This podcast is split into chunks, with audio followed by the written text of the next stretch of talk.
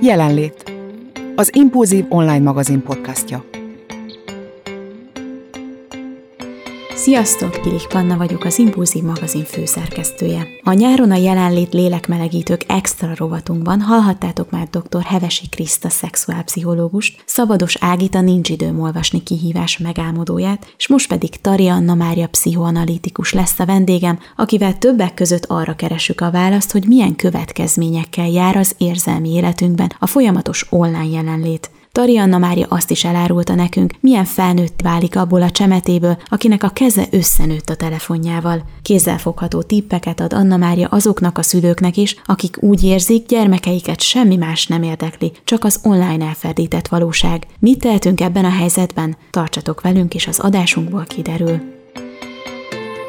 Ugye a gyermekek az elmúlt időszakban az online oktatás rejtelmeiben próbáltak elevickélni, és kíváncsi vagyok arra, hogy ez milyen hatással volt rájuk, erről eddig még talán kevés szó esett a médiában, és a különböző cikkek erre még nem nagyon tértek ki, hogy ez a változás, ez hogyan hat a gyermekekre. Tulajdonképpen, ha a digitális átállást nézzük, akkor azt gondolom, hogy mérvadó szakemberek egy része azt mondta, hogy tulajdonképpen a hagyományos frontális oktatási módszer lett nagy hirtelenjében ilyen elektronikus eszközökkel átadva. Úgyhogy ez nyilván a gyerekeknek szerintem ugye eltérő korcsoportban persze eltérő impulzust jelenthetett. Az biztos, hogy középiskolában volt olyan gyerek, aki azért ennek mint lazítás eléggé tudott örülni. Ugyanakkor biztos, hogy volt olyan, aki ha pont egy olyan helyen járt iskolába, ahol összesen annyit tudtak megoldani, hogy, hogy e-mailen kiküldték a feladatokat, akkor azért az úgy nehézséget jelenthetett, mert még gyakran középiskolában sem rendelkeznek annyi mondjuk önuralommal a, a tanulók, hogy, hogy oda kényszerítsék magukat több órára tanulni egy székre, pláne nem mondjuk 9 tizedikben, mert mondjuk 12-ben érettségére készülve azért nagyon sok diákban csak fölhorgad valami, de alapvetően szerintem a gyerekeknél a legnagyobb gond, amire a kutatók elkezdtek figyelmeztetni, az az, az, hogy hirtelen legális körülmények között dedikált feladatokkal elkezdtek 8-10-12 órát gép elé kerülni, vagy érintőképernyő elé, ami hát azért meglehetősen sok, miközben nyilván a szakemberek egy része évek óta velem, itthon velem az élen mondjuk arra próbálnak figyelmeztetni, hogy ne legyen annyi képernyő egy gyerek környékén, mert akkor annak azért olyan hatása van érzelmileg a személyiség működésére, ami nem túl jó, ha a későbbi társas kapcsolatait, a személyisége állapotát, az önbecsülését, az önértékelését, és azt az érzelmi egyensúlyt nézzük, ami majd szavatolja neki egy érzelmileg elég jó felnőtt életélését. Szóval szerintem ez egy olyan főpróba volt most a Covid időszak alatt, amelyik azt gondolom egy olyan családban, ahol erre figyeltek, megmutatta, hogy azért mégiscsak nagyon fontos az offline élet, hogy legyenek olyan kapcsolódási lehetőségek és olyan események, ahol, ahol nincs jelen a képernyő. Tehát ez egy nagyon komoly felismerése volt még a szakmának is szerintem, hogy a gyerekeknek mennyire elkezdett hiányozni az összes tök hülye osztálytársa, vagy a, még a nem szeretem tanítónéni is, meg tanárnőz. Egy szóval a valódi közeg, az igazi élet, amit élni kell.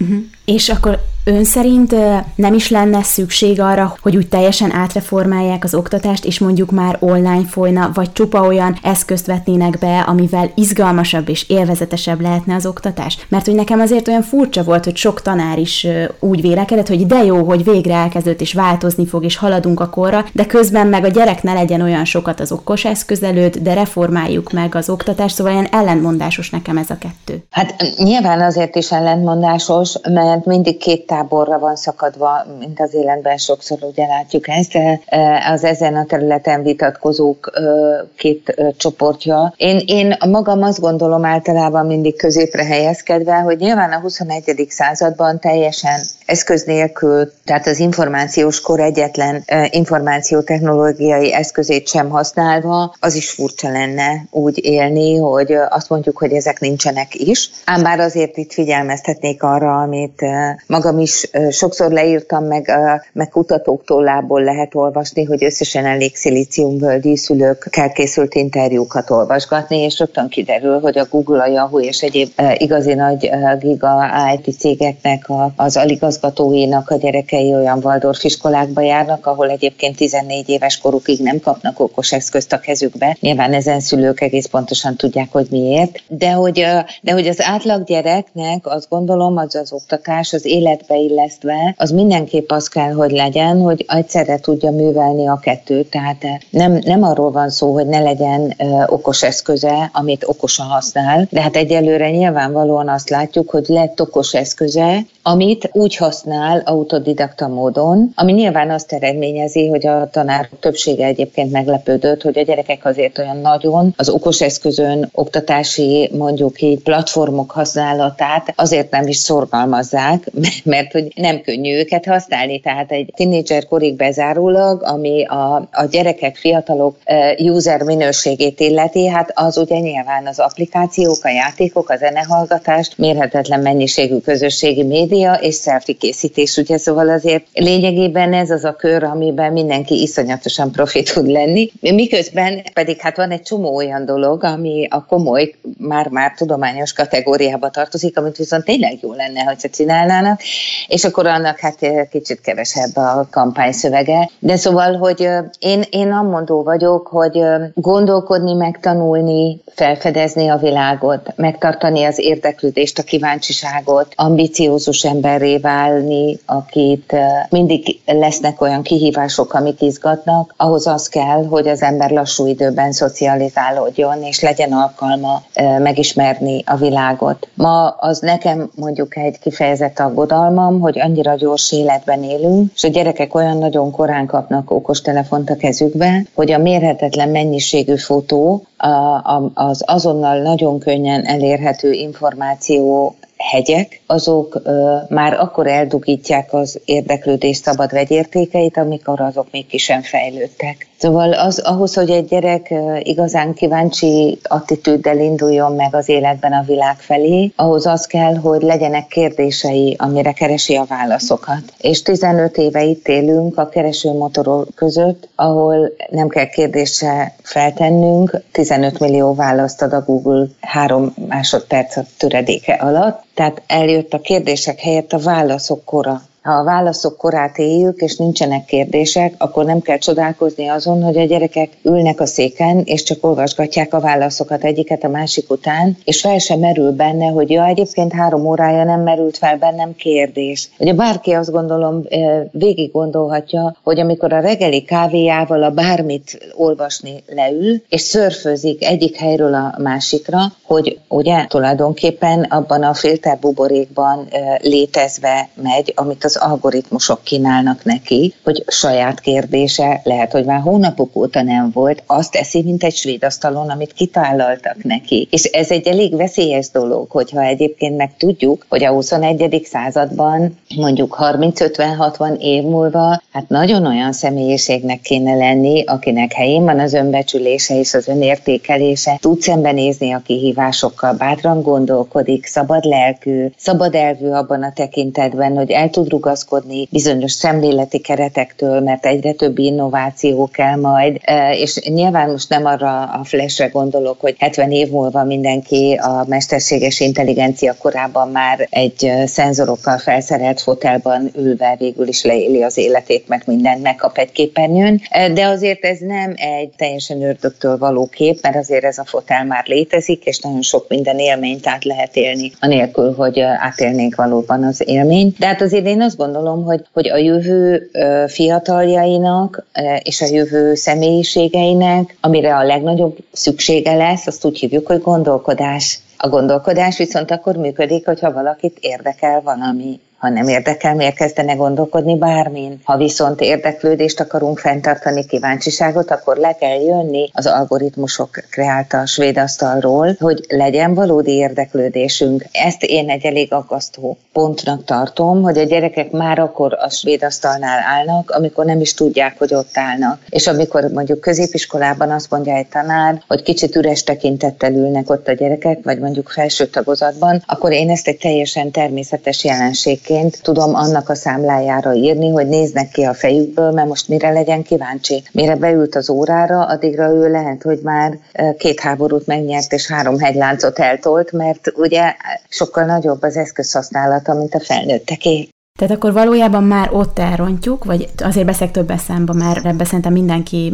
részese, hogy mikor kap egy gyerek telefont. De hogy igazából azt veszem észre, hogy fel sem merül a szülőkben az, hogy hát mi van, hogyha nem adunk neki, hanem igazából már tolja a gyermekét a babakocsiba, és ott van előtte a tablet, tehát ami nekem olyan megdöbbentő. A kérdés az, hogy bennük fel sem merül, hogy milyen veszélyei lehetnek ennek, amikor ön is folyamatosan publikál, és erről már lehet olvasni, tehát nem tabu ez a téma egyáltalán. Hát szerintem a szülők általában nem szeretik, ha értketve vannak és ugye az átlag szülő nyilvánvalóan szereti azt gondolni, hogy érti az életet, és jól el tudja dönteni, hogy hogyan nevelje a gyerekét. Az átlag szülő beletartozik abba, aki azt gondolja, hogy ha több milliárd ember nyomkodja az utcán, és viccesebbnél viccesebb videókon röhög a metrón, vagy a buszon, akkor nem lehet az olyan rossz. Ebben nagyon ludas egyébként a média, mert mert mondjuk másfél évvel ezelőtt megjelent egy cikk, icurka-picurka volt, és elég eldugott helyen, egy, egy gyerek neurológustól, aki leírta, hogy ha két éves kor alatt egy gyerek érintő képernyőt néz minden nap többet, mint kettő perc, mert amúgy egyet sem kéne néznie, akkor az agyában a fehér állomány másképp fejlődik, és ez bizony az ő kognitív képességeit, úgyis, mint beszéd, gondolkodás, nyelvtanulás, összehasonlítás, ilyenek nagyon fogja befolyásolni, mert egy fejletlenebbül, vagy más módon fejlődő fehér állomány állomány, amely azért a központi idegrendszerünknek, vagy az agy rész, ugye egy elég nagy részét elfoglaló tömegről beszélünk, ez egy fontos dolog lenne. Na most Hát egy ilyen cikket megtalál egy szakember, ha rákeres, a mainstreamben nem kerül be, mert túlságosan ijesztő, és akkor a szülők, ha egyébként látnak egy ilyet, akkor nyilvánvalóan az van, hogy ja, hát jó, hát biztos nem így van, csak ijesztegetnek. És közben meg de. Szóval Tulajdonképpen szerintem, ahogy egy szülő meg tud ijedni a designer drogoktól, úgy kéne megérnie az okos eszközöktől is, csak hát az okos eszköz, az, abban van egy ilyen nehézség, hogy ha a szülő maga is használja, akkor rá is vonatkozna az a tiltás, hogy a piros lámpánál az autóba, hát mondhatja ő a nyolc évesnek hátul, hogy én most az üzleti e-mailjeimet nézem és nem játszom, akkor is azt látja a gyerek, hogy anya meg apa egyébként vizet prédikál és konkrétan bort iszik, mert hogy előveszi a telefonját, nézegeti, mert ő viszont még olyan bonyolult kontextust nem tud előállítani, hogy most ez munkára lett elővéve, vagy játszásra. Tehát igaziból a szülőknek, amit meg kéne hallani, az egy rettenetesen nehéz dolog, és az az, hogy legalább tíz éves korig ki kéne bírni, hogy a gyerek nem kap okos eszközt, hanem él a rendes kis lassú időben, régi gyerekkorokat idéző olyan gyerekkorában, amikor neki egy dolga van, gyereknek kell lenni. És ezt a, nyilvánvalóan a szülők két ok miatt viszik végig nagyon nehezen. Az egyik az az, ami látszik, hogy a, az okostelefon gerjesztette vágyak, azok nagyon erőteljesek, tehát egy tíz éves gyerek szóhasználata, amikor megindul a hadjáratban, hogy telefonja legyen, az ugye elég hajmeresztő tud lenni, és a szülők általában nagyon félnek a gyerekük agressziójától. A másik pedig az a fajta következetesség, amivel ugye ennek a támadásnak ellent kéne tartani. A harmadik pedig az, hogy sajnos akkor egy színes offline életet kéne felmutatni. Tehát azt szoktam mondani egy előadás, előadásokon, hogy ha, ha valaki most belegondol, hogy milyen ez a mostani élet, iszonyú könnyen átcsúszik az érdekesség potméterre az online tér felé, amikor is meg se kell mozdulni a széken, és gyönyörű képeket lehet látni, és tök jó játékokkal lehet játszani, és mindegyikben ott a dopaminlőket, és egyre klasszabb. Ehhez képest egy kicsit csepergő esőben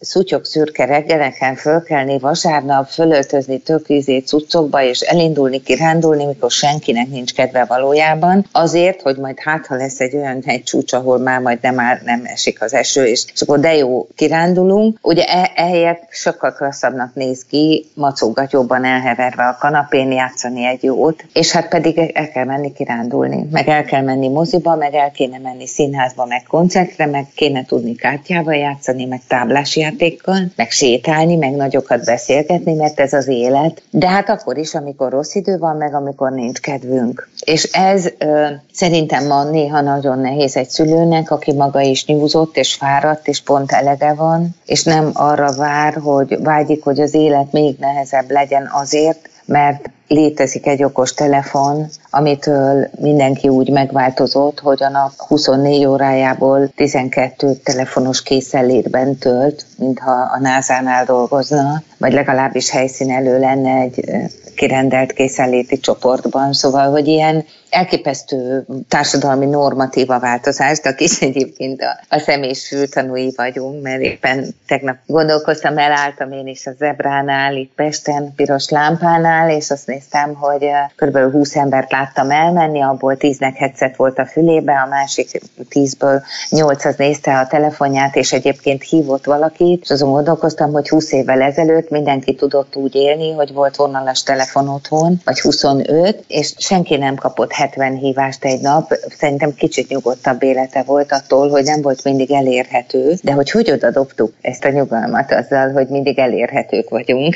Hú, de igaza van. És ami még eszembe jutott, mondjuk egy osztályt nézünk, hát mindenkinek van telefonja, csak az én gyerekemnek ne legyen. Mert így beszélgettem szülőkkel, és ezt is mondták, hogy, hogy egyszerűen egy állandó harc volt az, hogy most legyen okos telefon, ne legyen. És hogy egy vitaforrás volt, és egyszerűen beadja a derekát a szülő. Igen, tudom. Ez a harc. Egyébként én azt szoktam javasolni, hogy amit szerintem a legjobb tenni, az az, hogy legalább egy vagy két szülő, hát csak valakivel jóban vannak, azokkal koalíciót kell kötni, és akkor azt mondani, hogy figyelj már, hárman fogjuk össze, hogy akkor a mi gyerekeink, akik remélhetőleg barátok egyébként, hogy akkor így álljunk már ellen az osztálynyomásnak, és akkor ezt lehet csinálni, hogy, hogy hárman összetartanak, be lehet hívni ebbe az osztályfőnököt, hogyha jó fej, hogy segítsen már. Ki lehet alakítani például a jó fej osztályfőnökkel, megbeszélve olyan új típusú osztályfőnöki órát, ami tulajdonképpen egy úgynevezett szabad interakciós csoport, amikor mondjuk a tanárnő azt mondja, vagy a tanár úr, hogy most mindenki tegye el a telefonját, mert beszélgetni fogunk, és kiviszik a padokat, és a székeket körbe rakják, és nincs tananyag, meg fontos napirendi pont, hanem csak az van, hogy el kell tudni mondani, hogy ki hogy érzi magát, meg mondjuk mi volt vele a legklasszabb a héten. Tehát, hogy a gyerekeket beszélgetni, megtanítani, az azért jó dolog, mert akkor maguktól is elkezdik ezt így megszeretni, és akkor az életben a szülőknek is könnyebb dolga lesz, de az az igazság, hogy a szülők sem különbek olykor amikor a tínédzsereknél láttam én olyan szülői levelezést, amely, hogy finom legyek, nem volt túlzottan szofisztikált és szóhasználatában inkább a londoni taxisokéra emlékeztetett, akkor, amikor valaki el akart intézni valamit, hogy értsék már meg, és akkor az a szülő, aki úgy döntött, hogy most már mindegy, mert három éve van a gyerekének telefonja, és úgy dönt kognitív diszonancia okán, hogy szerinte ez nem veszélyes, ugye így könnyíti meg magának a, a helyzetet, hogy az érzelmileg egyidejűleg ellentétes érzelmek jelenlétét úgy tudjuk feloldani ezt az ambivalens érzést, hogy megindokoljuk magunknak, hogy nem, hát azért mégse lehet annyira borzalmas. Tehát mondjuk egy ilyen szülő ugye neki áll nagyon indulatvezérelten hadba szállni azért, hogy hagyják őt békén. Na most amikor a szülők között alakul ki egy háború, hogy ki gondolja azt, hogy ne legyen, és ki gondolja azt, hogy legyen, akkor persze egy nagyon nehéz helyzet tud kialakulni. De én még mindig azt mondom, hogy egy szülő az próbál próbáljon meg bátor lenni. Nyilván nem úgy, hogy ciki helyzetbe hozza a gyerekét, tehát nem kell berohangálni két naponta a suliba, de azt igen, hogy lehet közös szülői beszélgetéseket tartani, egy csomó olyan dologról, amiről a szülők szintén nem akarnak, nem szeretnének, és nem próbálnak nem tudni. Ugye ez a bosszú pornó, ez a deep web, ez az a része a közösségi médián túli világnak, ahol azok a rettenetes élmények vannak, amitől egyébként nagyon meg kéne védeni minden gyereket. És hát a szülők viszont nyilván egy másik szálon általában azzal szokták indokolni, hogy miért kell telefon a gyereknek, túl azon, hogy mindenkinek van, mert azt mondják, hogy muszáj tudnia, hogy hol van a gyereke egész nap. Őszintén szóval én előadásokon el szoktam mondani, hogy bizonyíthatóan irodalmi adatokkal tudom alátámasztani, hogy több generáció felnőtt enélkül, és mégis lehetett tudni, hogy vannak. Viszont egy fontos dolgot mindenki megtanult, 8-9-10 éves korában egy gyereket általában elengedett az anyukája, iskolába, akkor is, ha faluba éltek, akkor mondjuk hamarabb, hogyha a kisvárosba, akkor kicsit hamarabb,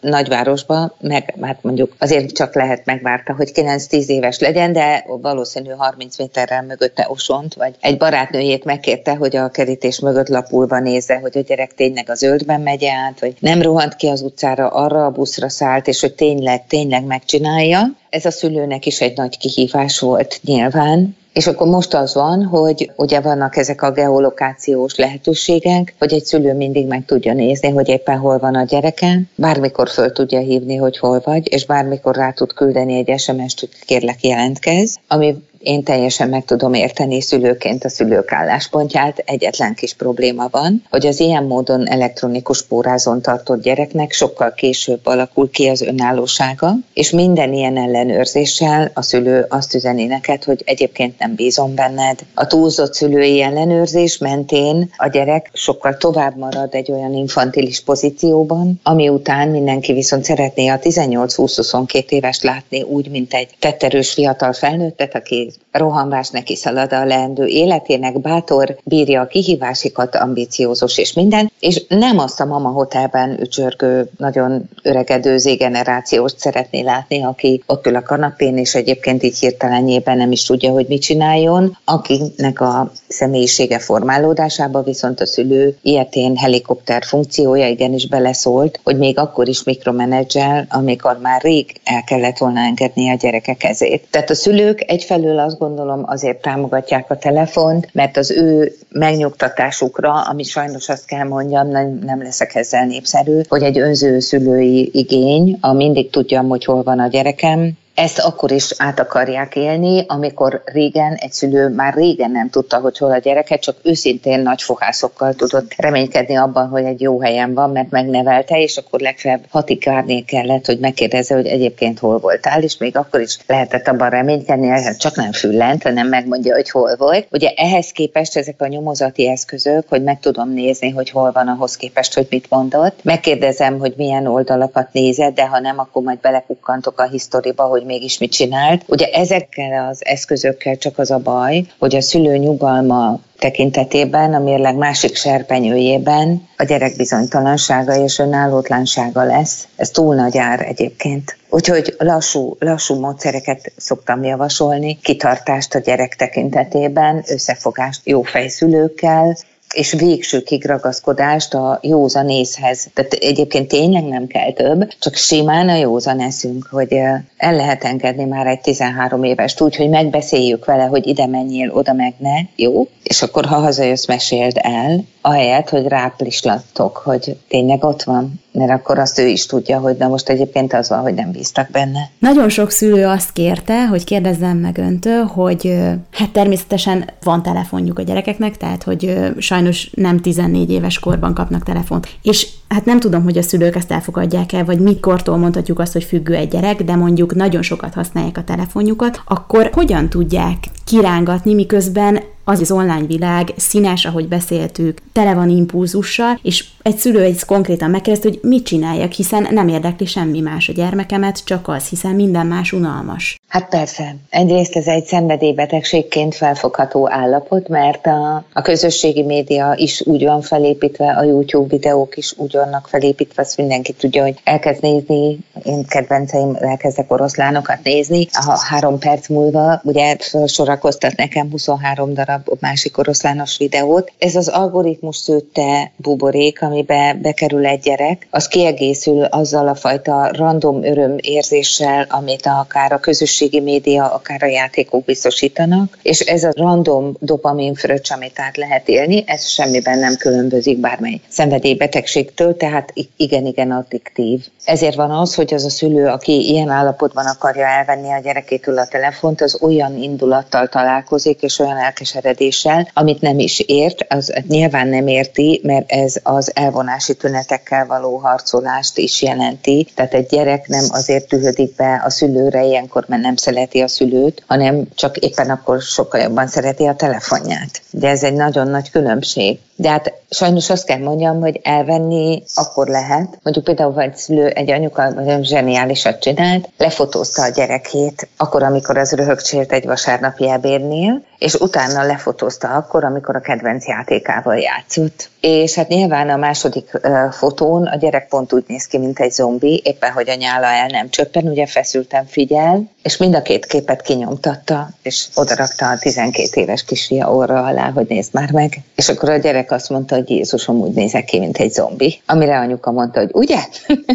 és hogy akkor borzasztó téged így látni. Tehát lehet így, lehet így megmutatni neki, hogy ő ilyenkor hogy néz ki. Lehet vele alkut kötni. Az alkú az úgy néz ki, hogy tényleg szigorú feltételekhez van kötve a telefonhasználat. Lehet ahhoz iszonyú következetesen kell ragaszkodni, és akkor is meg kell csinálni a beígért programot, ha semmi kedvünk hozzá.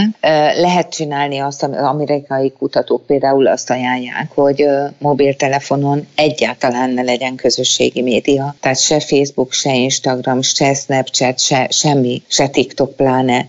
Ezek mind iszonyatosan, folytogatóan addiktívak. Tehát a kutatók azt mondják, hogy ezek az otthoni gépre, asztali gépre legyenek telepítve. Így akkor az okos telefon mentesítve van attól, hogy a gyerek észrevétlenül el tudjon órákra merülni ebben. Lehet időzárat alkalmazni, lehet screen time-ot alkalmazni. Ezek mind jók, de én alapvetően és legelső sorban is azt gondolom, hogy az a jó, hogyha egy szülő megkockáztatva a rettenetes háborúzást, elkezdi ott, hogy elmondja a gyerekének, hogy nagyon meg fogsz változni.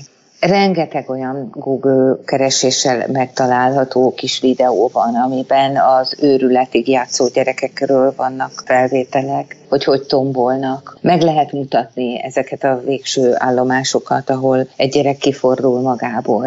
Tudnunk kell felnőttként, hogy az angolok szigorúbbak, az amerikaiak nem annyira, de hogy egy 10-12 éves kislánynak például a személyisége konkrétan és maradandóan tud megváltozni önértékelés, testkép, önbecsülés tekintetében, ha napi több mint másfél órát van fönn közösségi médián. Az angolok egy óránál húzzák meg a határt, azért mert az Instagram, a TikTok, még a YouTube is nyilván, és, és a Facebook is olyan, amin folyamatos rivalizálás és összemérés zajlik, amire egy 8-10-12 éves gyerek érzelmi apparátusa teljesen éretlen. Hát egy felnőtt nő se bírja ki, hogyha mondjuk folyamatosan jó nőket kell nézegetnie. Hiába tudja, hogy Photoshopban van editálva, hiába tudja, hogy legalább 15 darab szűrő vagy filter rá van rakva, meg még ki is van sminkelve. Mindenki, aki nézi és normális testalkata van, körülbelül három perc múlva egy pöffeteg gombaként ül a széken, megbánja, hogy megszületett. Ugye ezt hívjuk olyan dehumanizált állapotnak, amikor mindenki szebbnek és jobbnak néz ki, mint a saját tárgyasult, egyébként hihetetlenül gusztustalanná váló testünk. Na most egy felnőtt nő is ezt csinálja, akkor elképzelhetjük, hogy egy 10-12 éves az mit csinál. Anélkül rombolódik az önbecsülése, hogy tudná, mitől lett rossz kedve. Szóval ezek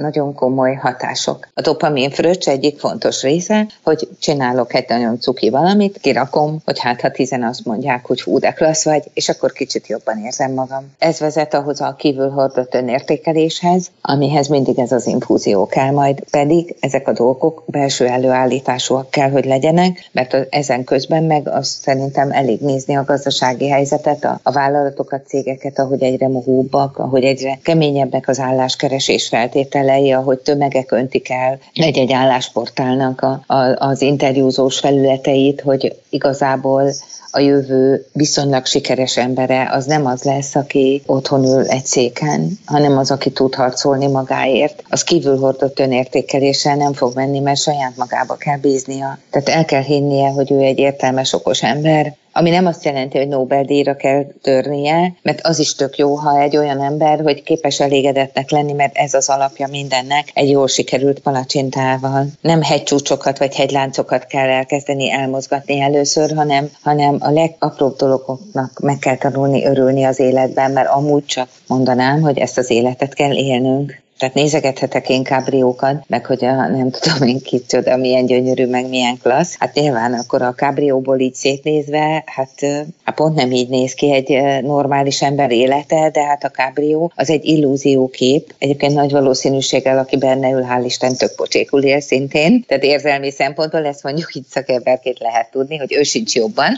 De hát saját magunkat akkor tudjuk ettől megmenteni, ha visszaállítjuk az életünk kereteit, és azokat az érzelmi határokat, határokat, amiben van intimitás zóna, ahova másokat csak akkor engedünk be, ha tényleg akarjuk. Hát igen, mert úgy posztolnak a gyerekek is, felnőttek is, hogy azt gondolják, hogy csak azok nézik meg, akit szereti őket. Közben meg vadidegenek is, és olyanok is, akik akár felhasználják a képet teljesen más dologra. De ebbe már szerintem a szülők se gondolnak bele. Hát ebbe, ebbe egész biztosan nem gondolnak bele. Én most nem akarok utalni az elmúlt hetek botrányaira, de hogy a 19 ezer pornó felvételre, de hogy nyilván a szülők általában jó indulatúak, és azt gondolják, hogy jó indulatú ismerősök vannak mindenhol. Azt azért mondjuk a Covid járvány alatt lehetett tudni, egy-két bölcs cikk szólt arról, hogy, hogy azért ilyenkor a pedofil és különböző mélységes, mély web bugyrokból a perverz alakok előkerülnek, és mindent megpróbálnak, hogy megtaláljanak olyan gyerekeket, akik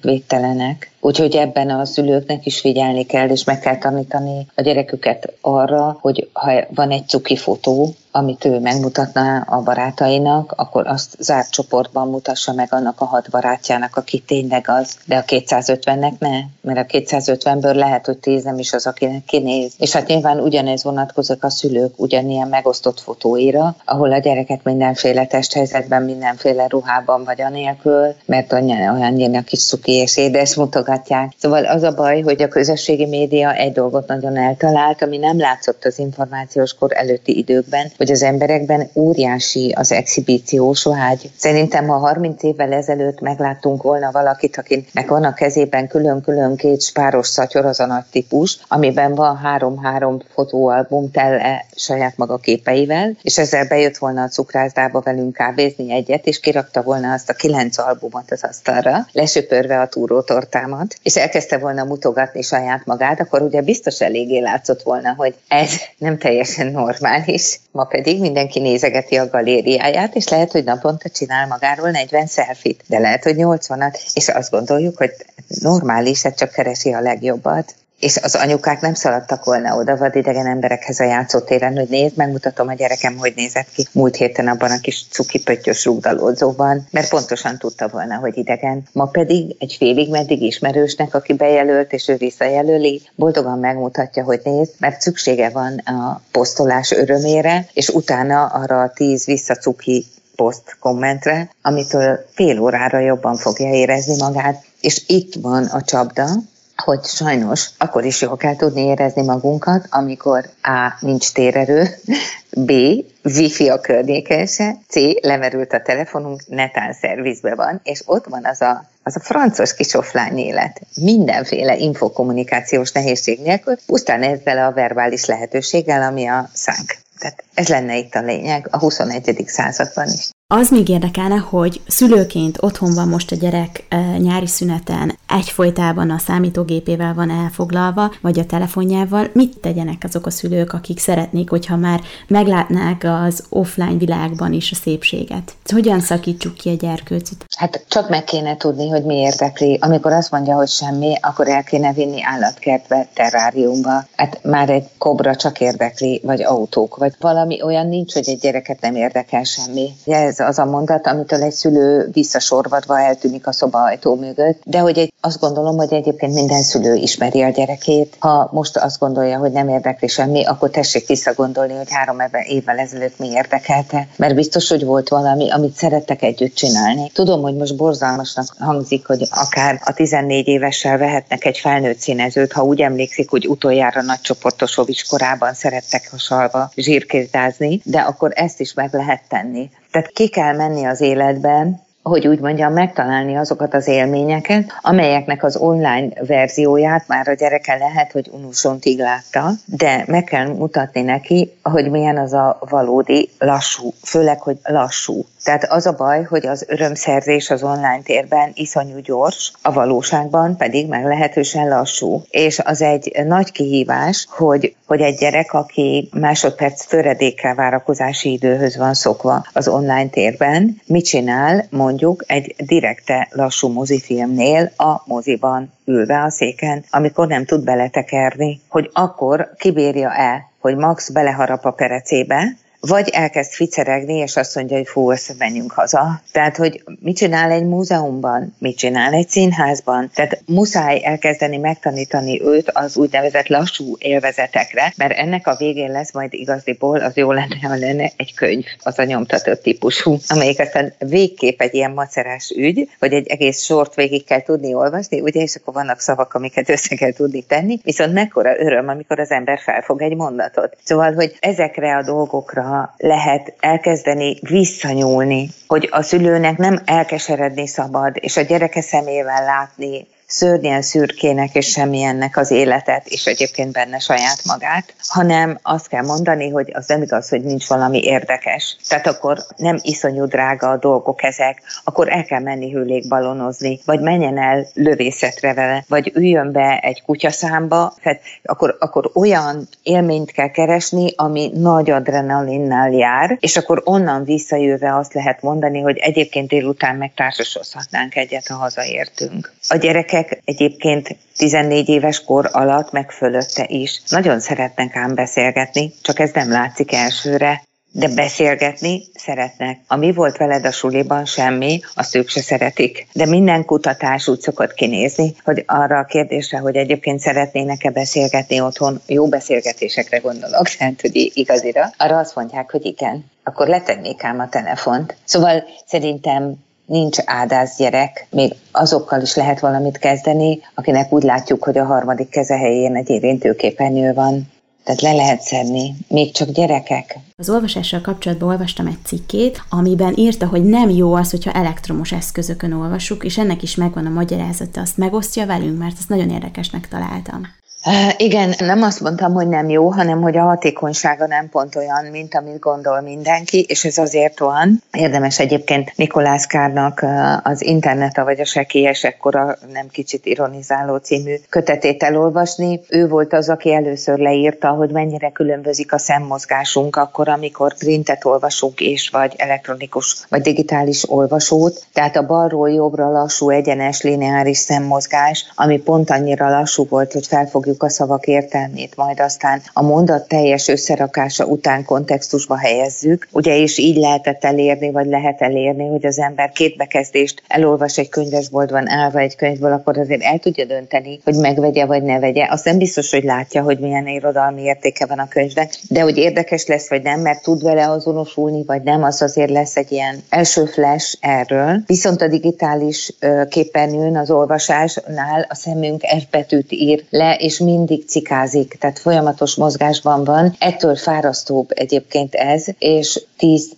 12%-kal csökkenti is az olvasás hatékonyságát, ezen keresztül nyilvánvalóan a megjegyzés és megértés hatékonyságát, ezen keresztül nyilván a kontextusba helyezés, tehát azért összeadva azt kell mondjam, hogy ma nagyon nem meglepő az, az eredmény, ami sokszor látszik kutatási eredményekben, hogy, a, hogy egyetemen nehéz egy, egy hosszabb bekezdést megérteni felolvasni, értelmezni és megérteni. Ez azért tragikus, mert azért Gutenberg, ugye, amikor mégiscsak a könyvnyomtatással elindította ezt a ezt a lehetőséget az emberiség számára, hogy a könyvből okosodjék, akkor most még nem az a helyzet, hogy az agyunk átállt a digitális olvasásra. Az agyunk lassú ingerekre állt rá azt tudja értelmezni, akkor történik az a fajta megértés, amire később lehet támaszkodni, mert elmélyült, ismeretté válik, vagyis elővehetővé, amit olvastunk digitálisan, nagyon gyorsan lehet ugrálni a szövegben, és utána nem biztos, hogy támaszkodni tudunk rá. És mindez csak azért fontos, ezt eh, nem fogom ellopni, mert Nikolász Kár mondja, hogy azért eh, ugye nem tévedünk, hogy a jövő elitje kikből fog kikerülni, akiknek a lakásában könyvespolc van, nem pedig iPad-ek. Szóval azért ezt jó, ha tudjuk, hogy a könyv az a lassú tanulás, lassú megértés folyamatában annak a fajta értelmi vagy kognitív működésnek a lehetőségét adja meg, ami, ami utána nagyon jó pozícióban tart valakit, mert mindenkit le fog körözni szakmailag mert sokkal hamarabban fog tudni, mint aki azt mondja, hogy ups, megkeresem, mindjárt mondom. És arra szerettem volna még végül visszatérni, hogyha meg már sikerül a szülőknek így lelassítaniuk a gyerekeket, akkor meg lehet online mentes ö, hétvégét is tartani. Az biztos is, igen. Meg még egy dolog van, ami tolmod hangzik, de a kutatók ezt is szokták mondani, és nagyon egyetértek, hogy az igazi álma az, ha legalább két hétre sikerül elmenni egy olyan helyre, ahol nincsen térerő, és akkor nincs veszekedés. Viszont jól ki tud derülni, hogy a család tud-e még egymással valamit kezdeni.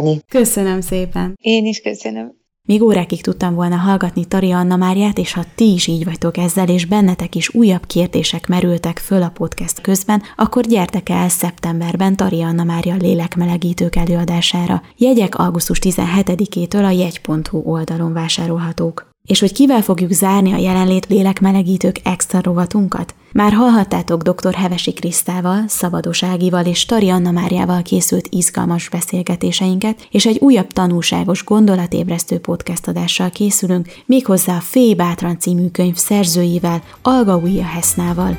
Sziasztok! Köszönjük, hogy jelen voltál! Keresd az Impulzív online magazin podcastját az ismert csatornákon, a Spotify-on, a Soundcloud-on és az Apple podcastok között, valamint az impulzívmagazin.hu weboldalon. Tarts velünk legközelebb!